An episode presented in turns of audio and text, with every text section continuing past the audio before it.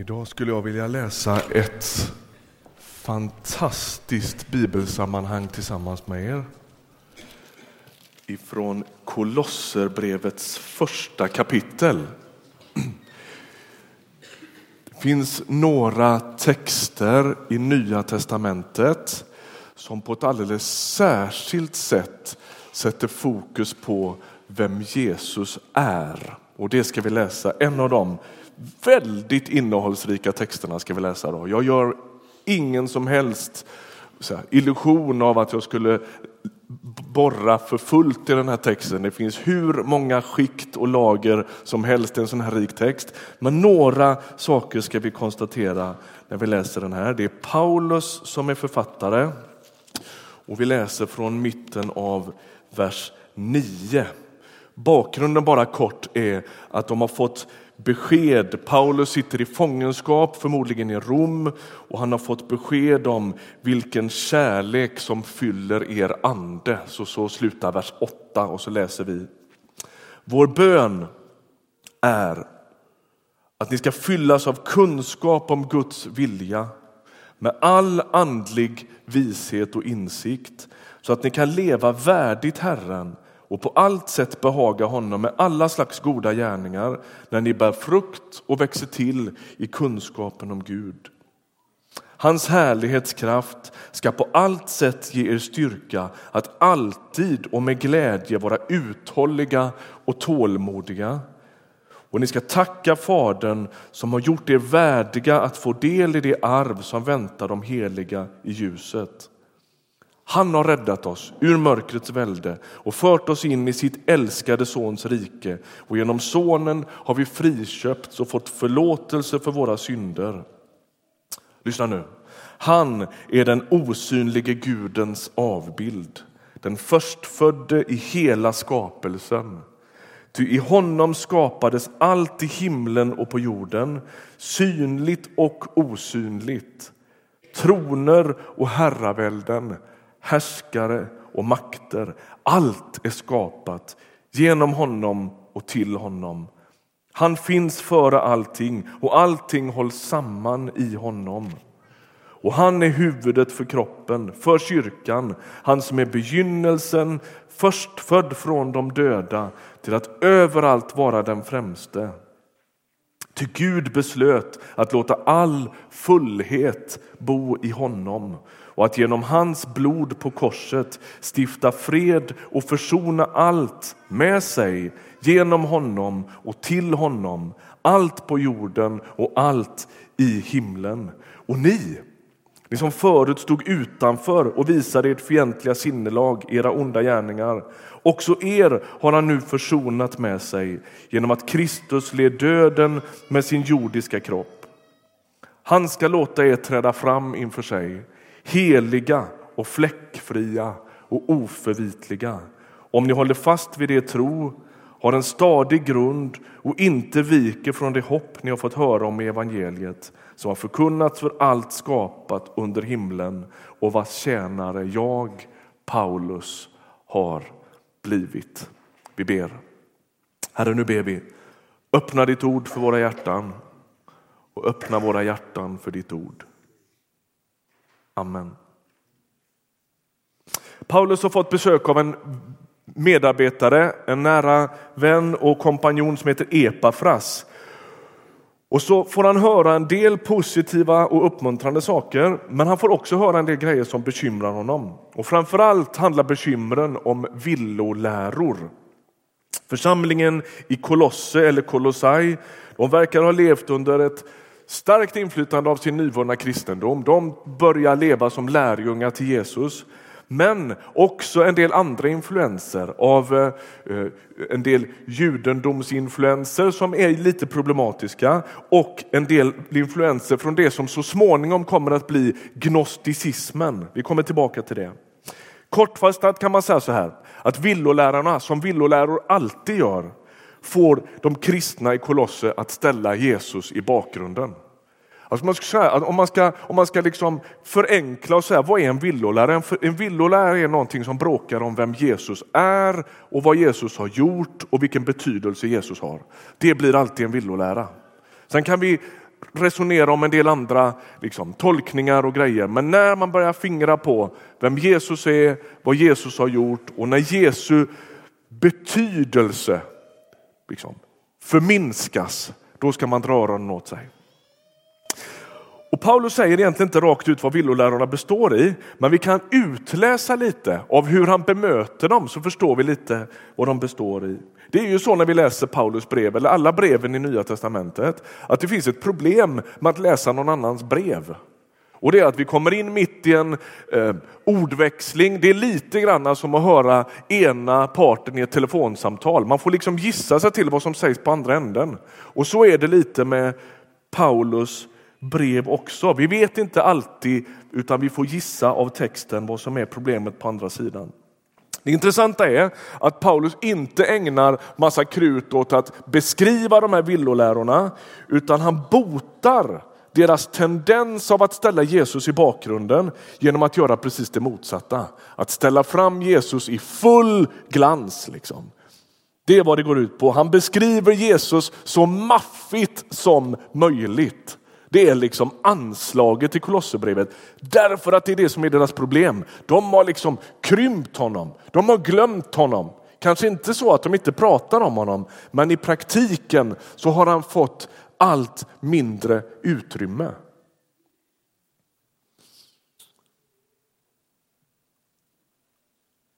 Delar av den här texten har man ibland anat eller trott skulle kunna vara en sångtext. Det finns något annat sånt exempel i Nya Testamentet, i Filipperbrevet 2, av en text som är så poetisk och liksom, det verkar som att Paulus citerar ibland liksom, texter som redan är etablerade och cirkulerar i kyrkan.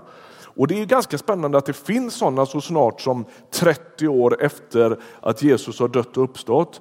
Eh, det är som att man ganska snabbt har formulerat vem Jesus är och vad Jesus har gjort i, i liksom uttryck och formuleringar som alla blir ägare av.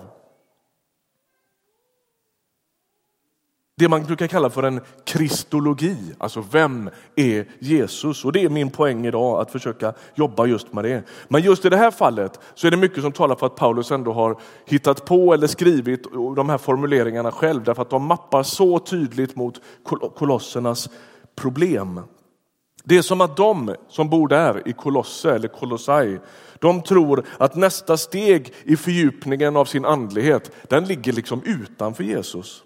Att man skulle kunna växa vidare till lite nya uppenbarelser och nya insikter frikopplat från det enkla budskapet om Jesus. Kanske inte att de medvetet säger så, men att de omedvetet liksom uttalar det lite. Därför måste de få veta. Och Det som är Paulus poäng det är att han ska få dem att förstå att ska de växa till i kunskap, i kraft, i tacksamhet och i uthållighet, för det var ju så den här texten började. Bönen är att det ska växa till i kraft, tacksamhet, uthållighet och kunskap. Då finns det att hämta allt det om man gör Jesus så central och så upphöjd som möjligt. Så fort man ställer honom i skuggorna så går man miste om allt det där. Och därför gör Jesus, eller Paulus just det. Och jag tänkte vi skulle dyka i några av de här uttrycken en liten stund. Det första han säger, vi är i vers nummer 15. Han är den osynlige Gudens avbild. Tänk dig, nu har vi ingen vägg vi kan gå bakom här, men tänk dig att du har Gud i ett rum bredvid. Han sitter där och vi vet att han är där. Vi kan ana att han är där. Vi förstår på alla möjliga olika signaler och, och, och liksom, eh, budskap att han finns där, men vi kan inte se honom. Och så befinner vi oss i det här rummet och så utanför så går det som en hall och där hänger det en spegel. Och när den dörren som Gud sitter i öppnas och när den dörren öppnas som vi sitter i, då kan vi titta i den där spegeln och så ser vi in i det andra rummet. Är du med mig? Den spegeln är Jesus. Han är den spegeln. Ju mer vi tittar på honom, desto mer får vi syn på Gud. Vi kan inte se honom för han är på andra sidan väggen. Ingen kan se Gud, det är Bibeln tydlig med. Men samtidigt har han gjort sig synlig i Jesus Kristus. Så när vi tittar på, på Jesus som, som är en, den, den mest oförstörda spegelbild och reflektion av Gud som världen någonsin har skådat. Det är Gud själv på besök. Då säger Paulus, han är den osynlige Gudens avbild. Han speglar honom fullt ut. Så ju mer vi tittar på honom, desto mer får vi syn på Gud. Det är många religioner och filosofier som utgår från att han är där på andra sidan väggen. Men det finns ingen annan som återspeglar honom så som Jesus Kristus gör. Han återspeglar Faderns person, han återspeglar Faderns egenskaper, han återspeglar Faderns attityder, människosyn, barmhärtighet, eh, vishet, you name it. När du skådar Jesu liv, vilket du gör i evangelierna, de fyra berättelserna som inleder Nya testamentet, som handlar om Jesus. Evangeliet, det är berättelsen om Jesus. Och när du liksom tittar in i den spegeln, då får du syn på Gud. Han är den osynlige Gudens avbild. Om du vill se Fadern, leta där. Det andra han säger det är han är den förstfödde i hela skapelsen. Och när det talas om att Jesus är den förstfödde i skapelsen ska det inte uppfattas som att han är skapad först. Han är nämligen inte skapad alls. Utan förstfödd handlar inte bara om tid utan också om rang och ställning. När det står att han är född först ska det förstås att han är överheten över allt skapat. Precis som Fadern så står också Sonen och den helige Ande utanför skapelsen i meningen att de inte är skapade utan eviga. Och Paulus han säger Jesus är den födde i hela skapelsen. Han är utanför den. Och sen fortsätter han och säger så här. Allt är skapat genom honom och till honom. Jesus är medskaparen till hela tillvaron, både det som syns och det som inte syns. Det står här va? om om allt möjligt som han har varit med och skapat i himlen och på jorden, synligt och osynligt. Alltså han är skapare av Himalaya, av ljusets hastighet, av Marianergraven, av klorofyll och fotosyntes. Men han är också skapare av änglar och andefurstar. Jesus är skapelsens hela ursprung och den ur vilken allt har kommit. Men han är också hela skapelsens mål. Skapat, allt är skapat genom honom, allt är också skapat till honom. Alltså allt är skapat för att djupast ära Jesus. Och på det sättet så är han början, han är upphovet till allt, han är ursprunget till allt, men han är också slutet. Han är den för vars skull allting finns. Och du som dyker upp här i Ryttargårdskyrkan idag och kanske knappt vet vad du tror på. Så vill jag liksom väcka en provocerande tanke hos dig. Tänk om det är så att du djupast finns för att Gud vill det och för att han har en tanke med det och för att ditt liv på ett eller annat sätt ska återspegla att han har skapat dig. Jag påstår att det är den djupaste meningen med ditt liv. Sen fortsätter han och säger att Jesus är huvudet för kroppen, för kyrkan. Nu börjar det bli lite knepigare. Eh, denne Gud som liksom har skapat allt och är upphöjd över allt och som liksom står utanför skapelsen på sätt och vis. Han kommer och bekänner sig till den bristfälliga församlingen. Här i Ryttargårdskyrkan och i alla andra kristna kyrkor landar han mitt i vår brustna gemenskap. Där både det vackraste och det fulaste finns på samma gång. Jag tänker att det är djupt nådefullt att han bekänner sig till oss, men det är också väldigt uppfordrande. Det vi gör här till vardags, när vi sänder missionärer till Afrika eller när vi har en barngrupp eller när en pensionärsgrupp samlas här eller när vi har husbönegrupper i hemmen eller när vi, vad vi än gör. så är det djupt sammankopplat med Jesus själv. Han är huvudet och vi är kroppsdelarna som får impulser av honom. Vidare säger Paulus att Gud har beslutat all fullhet bo i Jesus. Och återigen så är det som att Paulus betonar att Jesus är bärare av allt som Gud är. Det är ingen tillfällighet att Paulus använder det här uttrycket. Han använder tydliga uttryck som finns i de här villolärorna. Där man tänker att man distanserar sig från Jesus för att få tag på fullheten, för att få tag på kunskapen, för att få tag på insikten och så vidare. Och så vidare. Och så drar Paulus liksom tillbaka alltihopa det här och säger Ja, men längtan är det inget fel på, men ni letar på fel ställe. Därför att fullheten finns i Jesus. Det är dit ni måste gå för att få fatt på det. Och då är frågan, med detta sagt, hur ska det här förstås? Vem är Jesus? Är han människa eller är han Gud eller är han alltihopa på samma gång eller lite i taget? Eller hur är det egentligen? Det här funderar urkyrkan på så småningom. I början har man inget behov av det, men i takt med att de här um, villolärorna dyker upp så blir det viktigt att fundera på, kan man säga vad som helst om Jesus? Eller vad är sant om honom egentligen? Och så äger några kyrkomöten rum. Det här är lite, det är inte jätteviktigt att du kommer ihåg det här, men om du vill få lite kött på benen. På 300-talet, 325 äger ett, ett kyrkomöte rum i Nicea och på 400-talet och 451 träffas man på en plats som heter Kalsedon och så diskuterar man just vem Jesus är. Man ber över det, man söker i skrifterna och man försöker att liksom beskriva det. Man pratar om Jesu två naturer bland annat. Och kan det vara så att Jesus är både Gud och människa samtidigt? Och det där var en jättekomplicerad process, att med Bibeln i hand försöka liksom beskriva eller systematisera vem Jesus var. Ibland hör man människor säga så här, det där med treenigheten och att Jesus var Gud, det är ju något som kyrkan hittar på på 300-talet.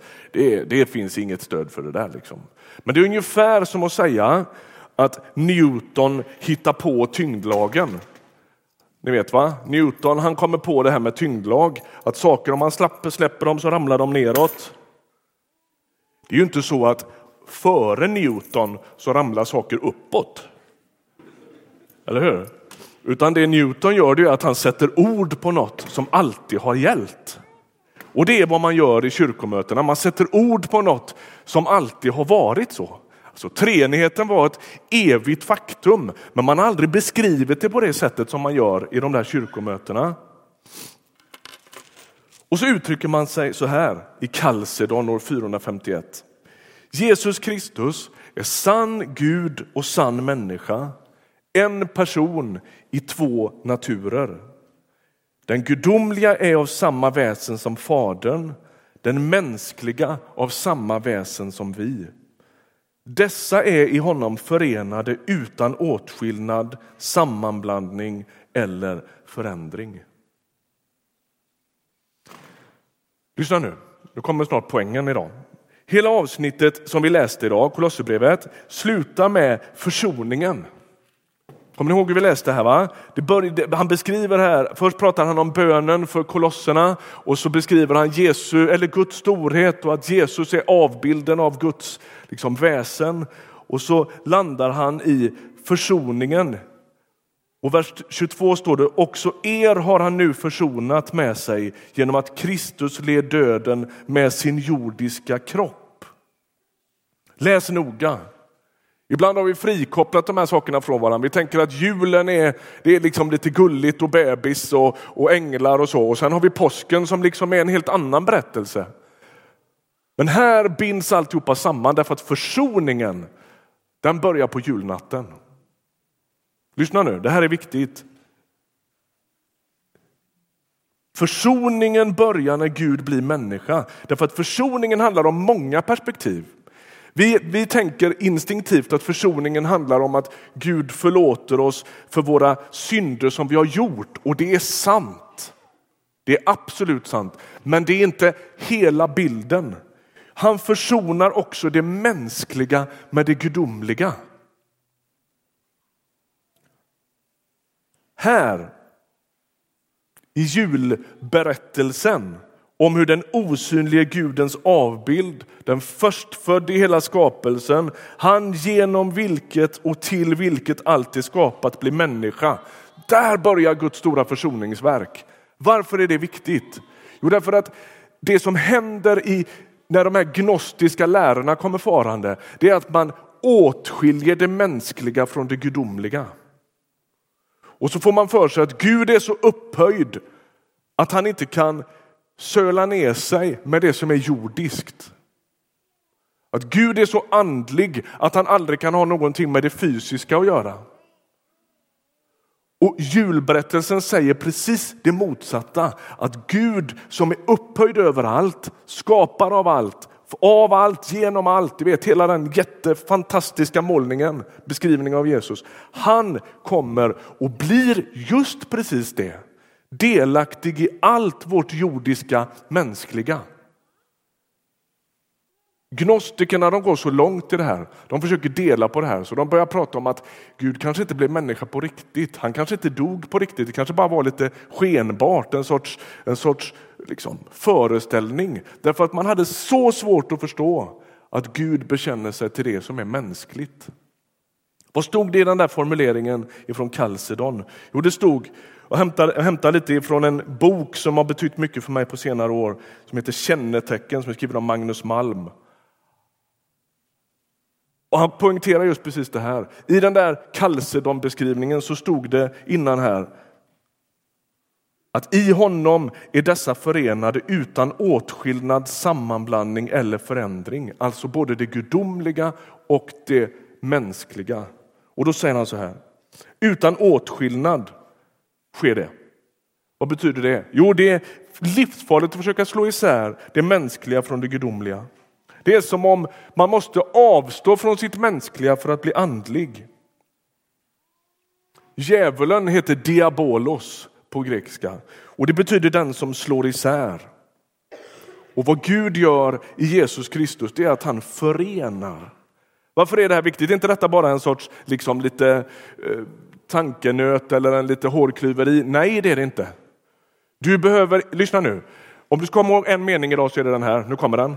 Ni med? Ni vet hur det brukar vara, det är den här. Du behöver inte avstå från din mänsklighet för att bli andlig. Det är jätteviktigt. Det är inte så att du ska distansera dig från ditt alldeles vanliga liv för att kunna söka Gud, utan det är Gud kommer in i ditt alldeles vanliga liv genom Jesus Kristus och det är där han är. Det där är viktigt. Det där är djupt kristet. Därför att om man får för sig att man ska behöva liksom stänga vissa dörrar i livet, om jag berättar hur det verkligen är, eller om jag visar hurdan jag verkligen är, då kommer Gud inte, liksom, då förkastar han mig. Det är då vi blir gnostiker. Gud kommer till våra liv sådana som de är.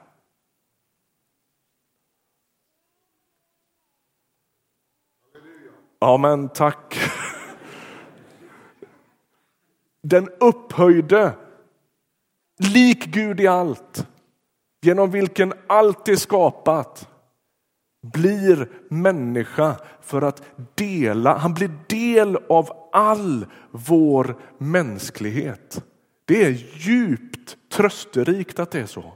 Det finns ingen dörr i ditt liv som du behöver stänga för att Gud ska kunna ha med det att göra. Utan julnattens budskap är att han kommer till ditt liv och att han vill bli del av hela ditt liv. Vad säger Kalsedon mötet mer? Jo, att de, de här två de är utan åtskillnad. Vi får inte slå isär. Och samtidigt så finns det en paradox i det här. De är också utan sammanblandning. Vad betyder det? Jo, vi blandar inte ihop vem Gud är och vilka vi är så att vi liksom projicerar allt vi är på Gud och tror att han är precis som oss. Det, det är inte det julnatten betyder. Är du med mig? Alltså, det finns en paradox i det här. Han håller ihop våra liv, men han är djupt annorlunda än oss. Han är, inte, han är ingen projicering av oss. Liksom. Du vet hur vi, hur vi håller på med våra bilder. Liksom. Men jag tänker med Gud som det och det och det. Ja, alltså det är nog bäst att gå hit för att få reda på vem han är. Annars är det, finns det en risk att vi liksom projicerar våra egna ganska liksom svajiga önskningar på Gud. Alltså, det är utan sammanblandning i meningen att det är inte bara en enda gegga av alltihop. Han är inte en avbild av oss. Nej, han är skild från oss till sitt väsen. Och han är inte en förlängning av alla våra önskningar och alla våra känslor. Han är djupt annorlunda, men han kommer till oss. Och han vill bli en del av våra liv. Och paradoxen blir den här då. Gud har kommit till jorden. Han är både helig, annorlunda, han är skaparen, han är alltings uppehållare. Och samtidigt, när han föds i det här stallet, så blir han delaktig i all vår mänsklighet av kamp, av ångest, av smuts, av synd, av oförsonlighet. Han kliver liksom in i ditt och mitt brustna liv. Så blir han en del av det. Det är djupt märkvärdigt, eller hur? Alltså, om man ska försöka hitta ord för det, jag vet inte vad man ska säga. Jag tänker att det är lite som en målare, en konstnär som har målat ett fantastiskt konstverk. Och så kröner han liksom hela den här eh, skapande processen genom att kliva in i den här tavlan och bli en del av den själv. Så Det är vad Gud gör. Det är, så, det är sånt mirakel att Gud blir människa. Och det är så nådefullt. Där börjar försoningen i ditt och mitt liv. Han blir människa och det heliga och det mänskliga är inte varandras motståndare. Han kommer till vår mänsklighet med sitt, sin renhet, sitt, sin höghet, sin skönhet, sin nåd och sin barmhärtighet. Och han vill bo där.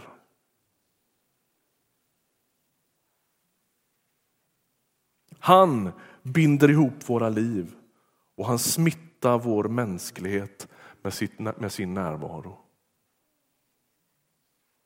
Och då, när man får upp ögonen för det, så blir inte det en sorts...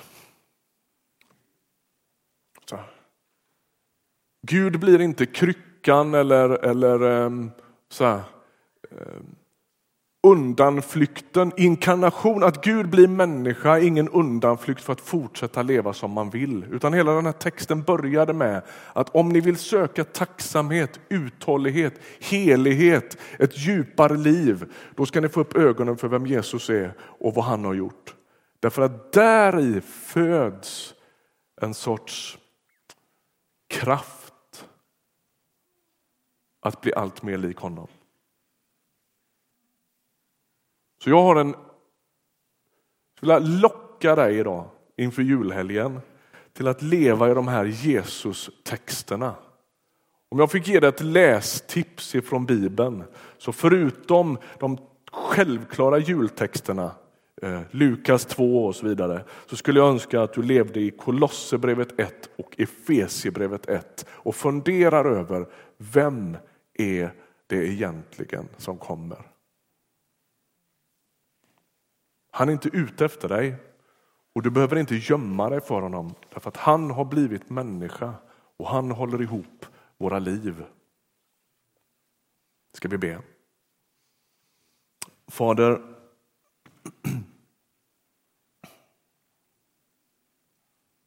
vi anar att vi liksom rör vid de djupa sanningarna om vem du är och att det är, det är liksom i sig så paradoxalt att vi skulle försöka förstå det. Du är stor och du är hög och du är upphöjd. Helig och annorlunda. Men tack att du har gjort dig känd genom Jesus Kristus.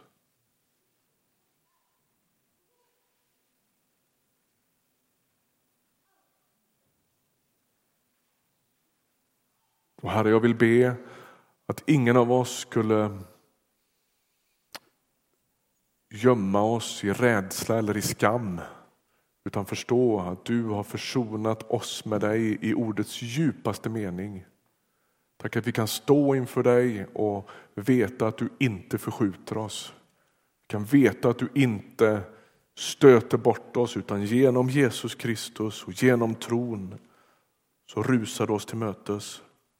Och tack att du vill bli en del i hela vår mänsklighet. Tack att du hör oss när vi ber. Amen.